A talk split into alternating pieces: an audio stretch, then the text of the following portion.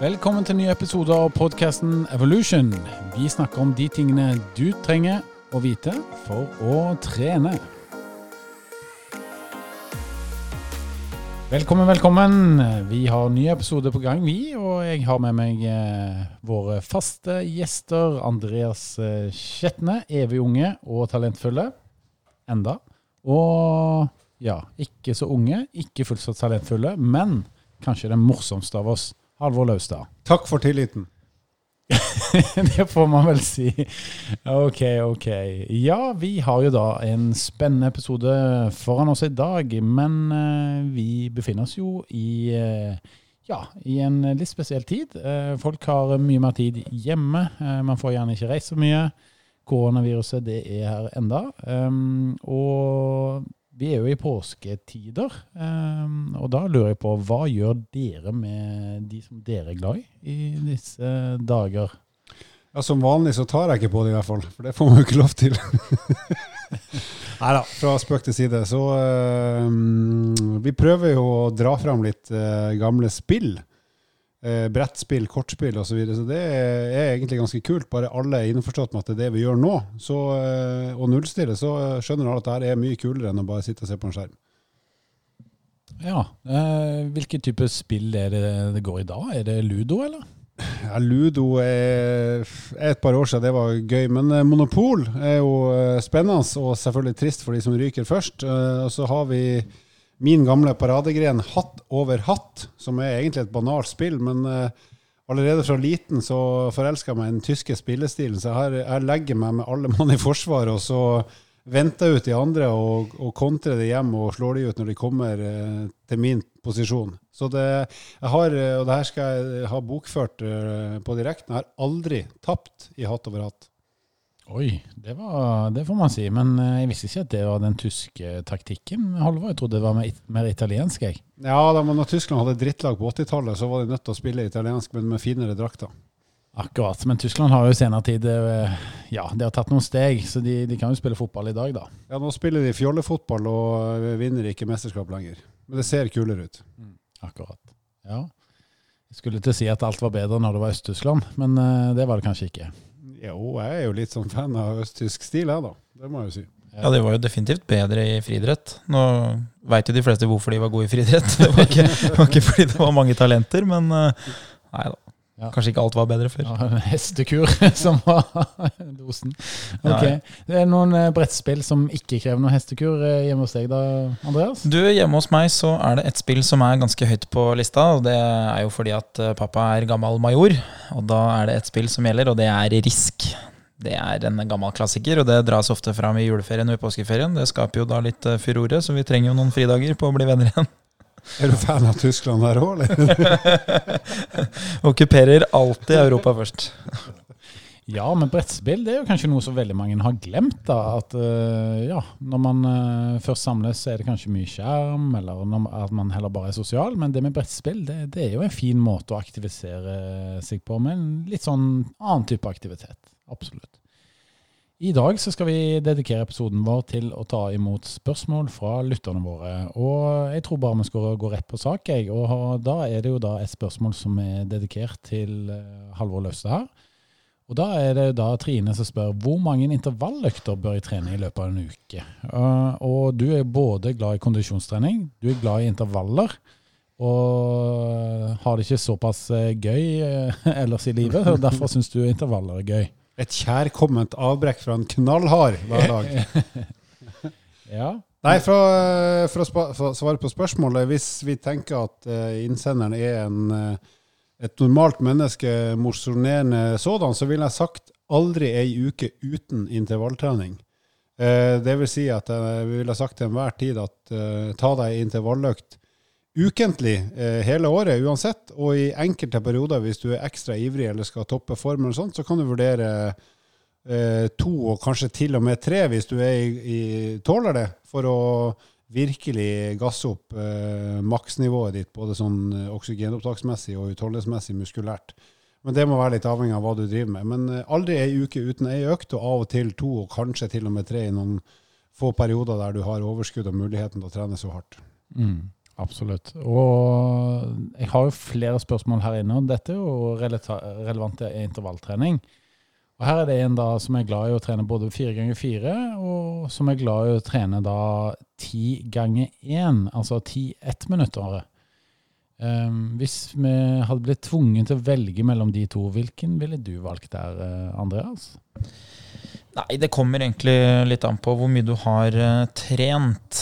Hvis du har trent mye, så er det ofte en fordel at uh, varigheten på dragene er litt lengre, fordi du evner å løpe fortere og fortere jo bedre form du blir.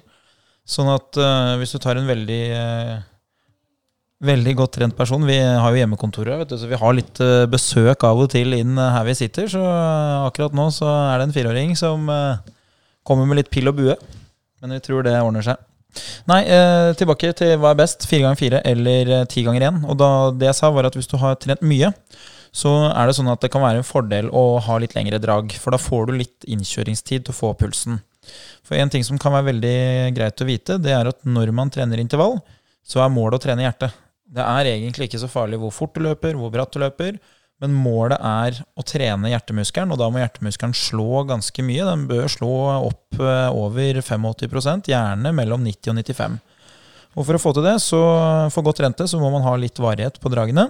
Mens for utrente så vil det være litt det motsatte som skjer. Da blir det sånn at hvis du har fire minutter, så kan det fort bli litt for fort og litt for langt. Så hvis du skal i gang å trene nå, så ville jeg både for eh, intensiteten, hvordan du opplever liksom hvor hardt det er, men også for beina sin del så ville jeg ha løpt eh, ti eh, ettminuttere. Mens hvis du har løpt en del allerede, så ville jeg ha gått løs på fire ganger fire. Hvis du er i bra form og tenker at du skal ha litt ulike varianter der du trener, trener på eh, fart, altså eh, jobber med høy fart eller høy intensitet, så kan jo også énminutterne være fin som et supplement. Eh, eksempelvis eh, når jeg holder på på den sykkelen min, så har jeg ei økt i uka der jeg trør så hardt jeg kan i ett minutt for å rett og slett prøve å, å gjøre noe med kapasiteten til å utvikle stor kraft over kort tid. Og det kan funke bra på løp òg, å ha noen sånne ettminuttsdrag av og til for å rett og slett løpe fortere enn man vanligvis gjør i to, tre, fire, fem, seks minutters drag. Men mange sier det på intervaller at de syns det er vanskelig å pushe seg selv. Da, at den der mentale eh, faktoren kommer inn i bildet. og at man kanskje ikke er så villig til å ha det vondt. da, ikke sant? For det, det å pushe seg selv på intervaller, det innebærer jo en del eh, smerte, da, selv om det er en god smerte. Ja, altså de som eh, håper at intervalltrening skal være såkalt morsomt, blir jo skuffa veldig fort, for det er jo slitsomt. Og hvor slitsomt det blir, det legger man litt opp til sjøl. Men jeg tenker iallfall at ei god intervalløkt i mitt liv er sånn at det siste draget er alltid det beste. Det beste i den forstand at det er det raskeste jeg har løpt, eller det kjappeste jeg har sykla, eller noe annet.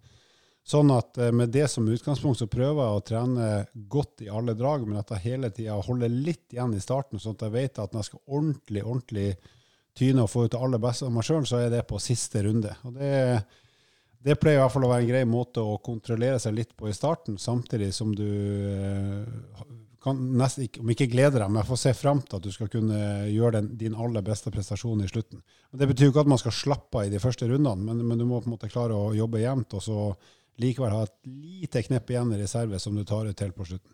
Mm. Og Det leder meg litt an faktisk til neste spørsmål, som Arne spør om her. Da. Og, og det er jo det at eh, Han skjønner det at han ikke skal åpne for hardt på intervallene, men han lurer på hvordan kan jeg holde igjen når kompisene mine drar opp tempo. For det at de løper tre og tre sammen, og da er det sånn at det, eh, det blir et veldig konkurransepreg, skriver han, og da, da dras tempoet veldig opp. Hvordan skal han løse den floken der, eh, Andreas? Nei, det har jo skjedd meg mange ganger, akkurat det du beskriver her, og det, det er egentlig ikke noe særlig godt svar på det. det.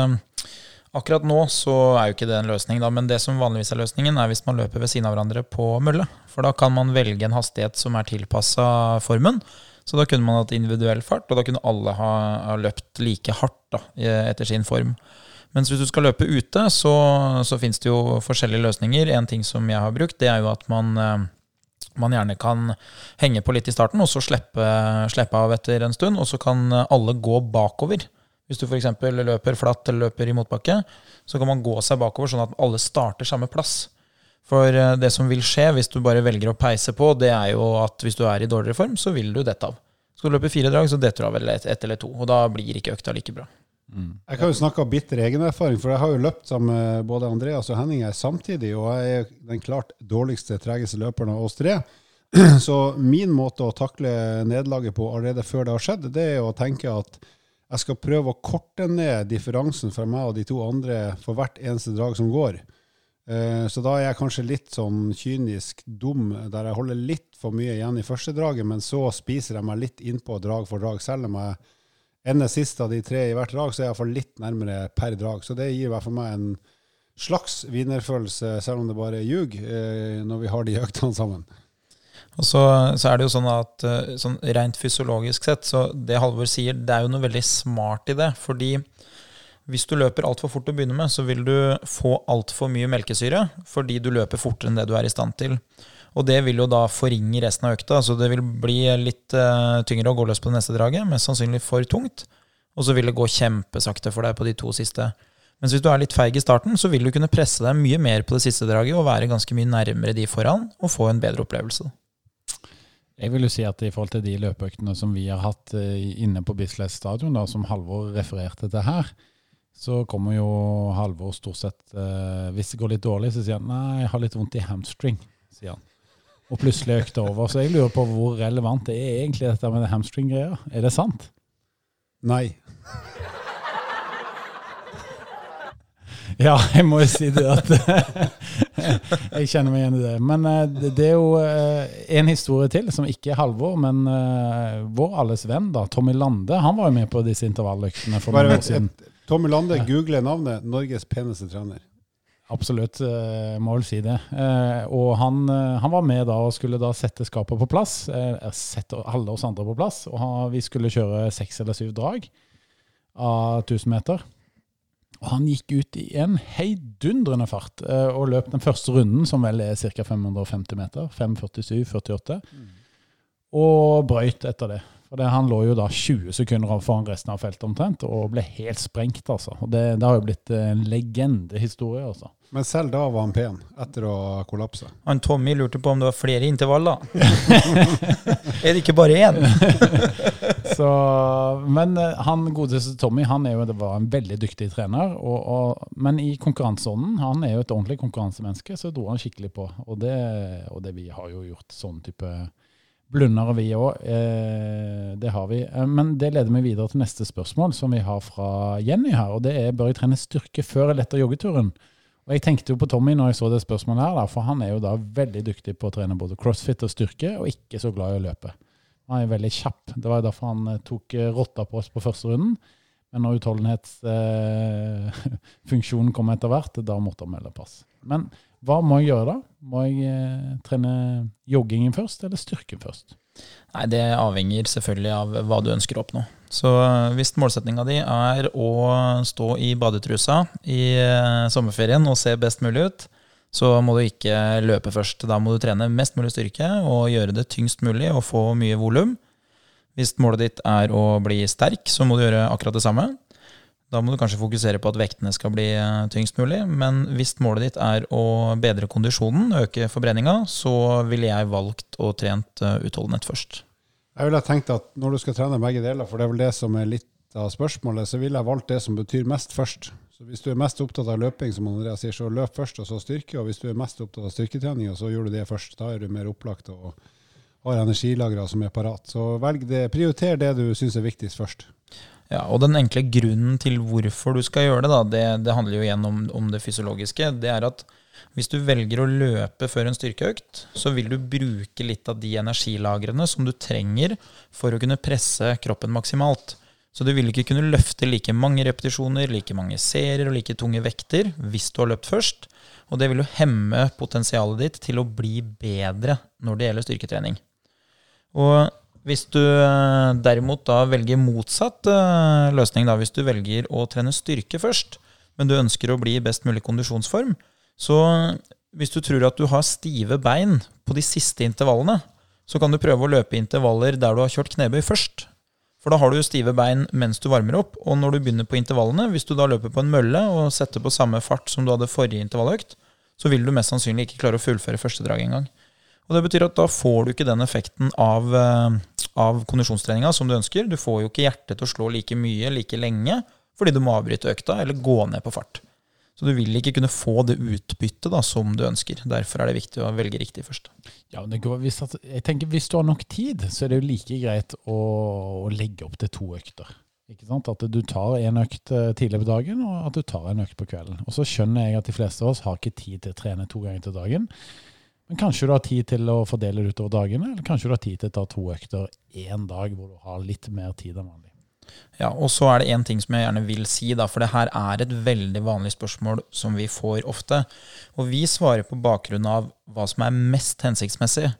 Men den bitre sannheten er jo at for de aller, aller fleste så er man ikke i god nok form til at det at du har trent først, forringer veldig mye. Så for de aller fleste så kan du bare lukke øya og velge kondisjon eller styrke om hverandre. Fordi det å trene vil i utgangspunktet gjøre deg bedre trent neste gang. Du skal ha holdt på en, en, god stund og gjennomført ganske mye trening før det å liksom velge skal være veldig viktig for at du skal bli best mulig. Mm. Bra, gode svar her. Vi går videre til neste spørsmål med, som eh, da er det altså en kar som spør her eh, om hvor mange økter trenger jeg for å bli sterkere? Og når jeg leser opp det spørsmålet der, så tenker jeg ok, det kommer jo an på. Og det er ofte det svaret liksom, som vi har, det kommer an på.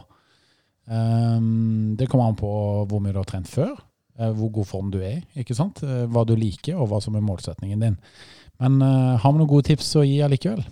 Yes. Hvis du er nybegynner og gjør styrkeøvelser som du aldri før har gjort, så er svaret at du trenger to økter for å bli bedre. Og det er rett og slett for at da er, da er den læringa eh, til nervesystemet ditt er den som i første fase gjør at du klarer å løfte mer og mer. Ikke det at musklene blir så fryktelig store, men det er rett og slett nervesystemet ditt som blir flinkere til å aktivere de riktige musklene i de bevegelsene du øver på. Og det blir bedre fra og med første repetisjon, med mindre du gjør det helt gærent. Så den eh, nervesystemsforbedringa, den eh, vedvarer ganske mange treningsøkter, litt avhengig av hvor uh, vanskelig øvelsen er. Og så etter hvert, uh, etter x antall treningsøkter og repetisjoner, så vil uh, fortsatt styrkevekst komme mer av at muskulaturen utvikler seg og blir større og sterkere og i stand til å utvikle mer kraft. Så svaret er er du nybegynner, økt nummer to er du bedre enn nummer én. Og har du trent ganske mye før og kan bevegelsene, så det nok, tar det nok litt lengre tid før du kan måle noe særlig vesentlig framgang hvis du allerede er på et høyt nivå. For da er det primært muskulaturen som må utvikles mer, i og med at nervesystemet allerede kan, kan de bevegelsene og klare å aktivere den muskulaturen du, du er ute etter. Mm. Veldig bra, Halvor. Takk. Jeg har en som spør her eh, at han er litt for, uh, småforkjøla. Det er ikke korona, sier han. Han er bare litt småforkjøla. Han har testa seg, og alt er bra. Men har så lyst til å begynne å trene igjen. Det er tre uker siden sist. Kan man trene selv om man er forkjøla? Ja, selvfølgelig kan du det, men du må jo ikke kjøre for hardt, for da blir du sikkert bare sjuk igjen, eller verre. Så jeg ville tenkt at bevegelse er bedre enn stillstand nesten uansett. Eh, men ikke press deg så hardt at, du, at, du, at, det innebærer en risiko for at du blir dårligere. Og så kan man spørre ja, hva er det, da? Men eh, jeg ville tenkt at eh, i hvert fall beveg deg, men hold deg nå på en sånn jeg vet ikke, hva skulle, vi skulle angitt noe sånn prosent av makspuls, jeg vet ikke hva skulle vi sagt. Hvis du ligger under 70-75, så burde det vel være rimelig safe. Mm. Ja. Ja. Eh, jeg får jo det spørsmålet her eh, ofte, eller har i hvert fall fått det ofte opp gjennom åra når jeg har eh, hatt PT-time fast. Og mitt svar er som regel da at hvis du har vondt fra halsen og ned, så tilpasser vi trening. Da kan du trene begge deler. Hvis du er syk fra, fra halsen og opp, altså at det er ventilasjonssystemet, at du er tett i nesa, vondt i halsen, da må vi kanskje avstå fra litt utholdenhetstrening. Da, da bør vi prøve å holde oss unna for mye pusting. Og da, som Halvor sier, under en viss eh, prosent. Det er jo da noe som heter ventilatorisk terskel. da. Så hvis du holder deg under en, en 65-70% så vil du ikke puste så mye. Du vil ha litt høyere puls, men du vil slippe unna den pustinga, og det kan være greit.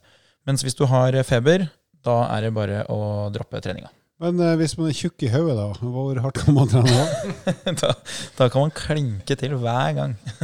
det er meg, det. Yes. Eh, har vi noen lyder på den, da? Der, ja. Der var han, vet du. Eh, så er det en som spør her. Det er han Olaf. Han sier at han går tur flere ganger i uka. Hvilken treningseffekt har egentlig det? Ja, det er i hvert fall bra for helsa. Som man har blitt pumpa inn og ut med nå i 15-16 år, så er det bra for helsa di å i hvert fall være i bevegelse 30 minutter per dag. Og det er jo ikke feil i dag heller, det. Så eh, helsemessig så er det bra. Da har du statistisk sett sjanse for å leve et brukbart liv ganske mange år før du begynner å bli eh, eh sigen og eventuelt får noen livsstilssykdommer og forringa livskvalitet. Så svaret er helsemessig ja. For å komme i det jeg vil si er en god form, så må dere gjøre noe mer enn å gå. Men helsemessig absolutt fint. Så har vi et spørsmål her fra ei ung dame som heter Jeanette. Og hun spør eh, om eh, følgende. Hei, jeg skal trene intervaller i kveld. Jeg skal trene ganske tøft, men jeg lurer på hvor mange timer før trening bør jeg spise? Har du noe klokt svar på dette her, Kjetne? Ja. Eh, de aller fleste de spiser vel kanskje litt for tett til trening. Det som er litt uh, ubehagelig, er jo at uh, det å gå uten mat, da, det er jo en, en, subjektiv følelse. Så det er kanskje noe man må øve på, men man tåler jo gjerne å ha litt uh, mellomrom. Sjøl liker jeg å spise maks tre timer før trening. Og så kanskje spise noe veldig lett, noe lite, en, en liten time før jeg skal før jeg skal løpe. F.eks. si en banan eller en bar eller eh, et eller annet sånt. Uh, og noen ganger så har jeg vel hatt så mye som kanskje seks timer før jeg skal løpe. Det er jo veldig ekstremt. De fleste vil bli veldig, veldig sultne. Men jeg syns det er mye mer ubehagelig å akkurat ha spist. Ja, jeg tror de fleste er enige om det. Og så går det an å nevne at hvis du skal sykle eller ro f.eks., så er det litt mindre plagsomt å ha spist et større måltid på forhånd. Så der er du nok litt mer fleksibel. Så f.eks. hvis jeg skal sykle, så kan jeg godt ha spist middag, en ganske tung middag et par timer før. Men det er jo for at jeg sitter stille på et sete og ikke skal flytte kroppen min opp og ned og ta imot eh, støtbelastninger både med mage og magesekk og alt annet. Så, eh, det, og det samme gjelder romaskin, der du bare sklir frem og tilbake på den skinna. Der, der, tåler du nok å ha spist et brukbart måltid litt eh, tidligere, eller nærmere opp til treningsøkta enn, enn hvis du skal løpe. Men sånn si ikke noe særlig altså To timer før, nå, det må nå være sånn limiten nesten uansett, tenker jeg. Ellers så tror jeg det blir daff. Ja. Det som, det som, ofte skjer, da, som gjør at det kanskje er litt annerledes for oss enn for mange andre, er jo når man får litt kunnskap om ernæring og, og utholdenhetstrening, så, så, begynner man liksom å forstå at ok, hvis jeg skal løpe i under en time, så vil ikke det vannet som jeg drikker mens jeg trener, komme fram. Så hvis ikke jeg trenger det behovet med å få eh, vann i munnen fordi jeg blir tørr i munnen og sånn, så, så, hvis jeg drar på en times løpetur, så har jeg ikke med meg noen ting. Og det samme gjelder jo hvis jeg skal løpe i en time, så veit jeg jo at det som jeg spiser nå, 90 minutter før jeg skal løpe, det kommer ikke til å bidra til hva jeg skal få til i den økta. Og da blir man litt mer selektiv på det. Da, da blir det plutselig ikke så viktig. Men uh, for de som ikke har trent så mye, så er jo det vanlige ting som vi går gjennom i en del PT-timer. Og det er jo at uh, ok, du har glemt flaska di i dag. Eh, jeg forstår det at det kan være behagelig med litt vann, men i utgangspunktet så trenger vi ikke vann for det som heter prestasjon. Altså vi, vi kommer neppe til å løpe noe fortere eller noe lengre fordi om vi har vann i de 30 minuttene som vi skal trene. Og da blir plutselig sånn med inntak av mat og, og det å ha med seg ting på løpetur og sånn, det blir litt enklere. Da blir man ikke så avhengig av det. Ja, jeg vil si at jeg var ute og løp en ettermiddag her klokka syv med med et par uh, kompiser uh, litt av stund siden, dette da, og, og, da klagde jo begge gutta på at uh, de hadde spist middag i femtida. Og de kjente veldig på det at når vi løp av gårde, at de fikk litt mageknip. Og det gjorde løpeturen ganske ubehagelig, da. Og da spurte de meg ja, har ikke du spist middag. Så sa jeg nei, det har jeg ikke, og det er det faktisk en god grunn til. Hvis jeg spiser en stor middag før jeg skal løpe, så ødelegger det litt av treningsopplevelsen. Og det var selv om jeg løpte ganske rolig, altså. Så det som jeg gjorde da, at jeg spiste en brødskive og tok en banan og et glass vann og en eh, sort uh, kaffe. Det, det, var det. Og da, det er ganske lett måltid, sånn som dere snakket om her. og det funker veldig bra. altså. Så tar jeg heller og koser meg med litt sen middag da, etter treningen. Og Det er da du setter deg ned i sofaen eh, foran den svære TV-skjermen i underbuksa og nyter middagsrestene? Ja, så har jeg kone som kan nyte resten, holdt jeg på å si. Søk det opp på Google. Henning Holm i trusa. Yes. Nei da, jeg pleier ikke å sitte i trusa foran TV-en. Jo da. Andreas, hvordan med deg? Har du noen kommentar? Jeg, jeg, jeg, Jeg er målløs, skal jeg dele litt fra mitt eget liv? Mitt eget triste liv. helst ikke. De beste kveldene mine er når jeg har sittet og sykla ned i kjelleren, eh, dusja. Eh, og da, da, altså, da, når jeg er ferdig med sykkelintervallet, så går jeg, springer jeg opp, skrur på ovnen, eh, sånn at den gjør seg varm mens jeg har nedtrappinga, som tar ca. 12 minutter. 12.30. Så setter jeg Grandiosaen, springer i dusjen og dusjer i fire minutter, for det er nok til å bli kjølt av uten å ettersvette. Og så kler jeg på meg underbuksa. Punktum. Og så går jeg og drar ut Grandiosaen, setter meg i sofaen med Grandiosa-kartongen på fanget og Grandiosaen oppå der igjen, og sitter og har det ekstremt hyggelig eh, med meg sjøl og for meg sjøl i en times tid. Du, jeg tror jeg har en lyd på panelet her, som, som hvis alle kan se for seg at du da sitter der, som du sa. det stemte ganske bra, tror jeg. Bare for å ha sagt det, det er boksershorts, og ikke truse, som det ble nevnt litt Ja. tidligere i episoden. Men eh, du, jeg har et oppfølgerspørsmål til dette, for vi snakker ganske mye om Grandiosa på det programmet. her, og Mange tenker nok at ah, Grandiosa det er både litt smakløst, og det er sikkert veldig lite næring. Men er det nødvendigvis sant? Nei, altså Du spør jo feil person, for jeg er jo så partisk som det går an. Jeg er ikke ansatt av stabburet, men jeg har jo spist et, en uhorvelig mengde Grandiosa siden jeg oppdaga den eh, nydelige retten her tidlig i 80-tall. Men uh, isolert sett så er en viss mengde Grandiosa et helt kurant måltid på lik linje med en vanlig middag. Men det er klart du kan ikke stappe i deg det, det alle måltid, det går ikke. Men, uh, men det er helt kurant i en, i en tilpassa mengde å ha det som ett av dagens måltid. Og for min del, som er en banal fyr med banal smak, så syns jeg det er veldig godt i tillegg. Veldig bra. Eh, jeg har eh, vel egentlig kun et spørsmål eh, igjen, og det tror jeg er et spørsmål som vi har gjentatt ganske ofte. Og det er av den enkle grunn at vi ønsker at flest mulig mennesker skal komme i gang med treningen sin. Og det er jo da um, en kar som heter um, Ali, som spør her hvilket råd vil du gi til den som ønsker å komme i gang med treningen, sånn som meg? NB, jeg har ikke trent på mange år. Ja, det er jo et vanlig spørsmål. Hva, hva skal man gjøre? Det første jeg ville gjort, er kanskje å tenke litt på hva har jeg gjort tidligere som jeg har likt. Har jeg sykla, har jeg løpt, har jeg trent eh, vekter? Men hvis man skal være helt kynisk på det da, og ikke tenke på hva som er gøy, men hva man behøver, så eh, ville jeg ha starta med og tenkt ok, jeg må dekke noen primære, primærbehov. Da. Jeg, primærbehov. Jeg eh, er nødt til å ha noe motstand, altså noen vekter uh, eller øvelser som er tyngre enn det jeg gjør til vanlig. Så jeg er nødt til å løfte litt, jeg er nødt til å skyve litt. og ja, uh, I tillegg så må jeg ha noe som gjør at hjertemuskelen må jobbe litt eh, mer enn det jeg gjør til vanlig. Så jeg må kanskje enten gå inn og trapper eller sykle eller løpe. Og så ville jeg tenkt at ok, når jeg dekker de primærbehovene, da, da begynner jeg å kunne velge liksom hva jeg vil bruke tida mi på. Så jeg tror jeg ville gjort det så enkelt. Ja, Hvis det er sånn at du har noe du liker eller har likt, så begynn, begynn med det igjen. Eh, hvis du ikke har det, og i hvert fall kan tenke deg at det er noe du har lyst til å like, så prøv det. Og hvis du ikke har det heller, vil si du har bestemt deg for at trening er dritt uansett, så gjør i hvert fall noe som er effektivt i forhold til det du har lyst til å oppnå med treninga.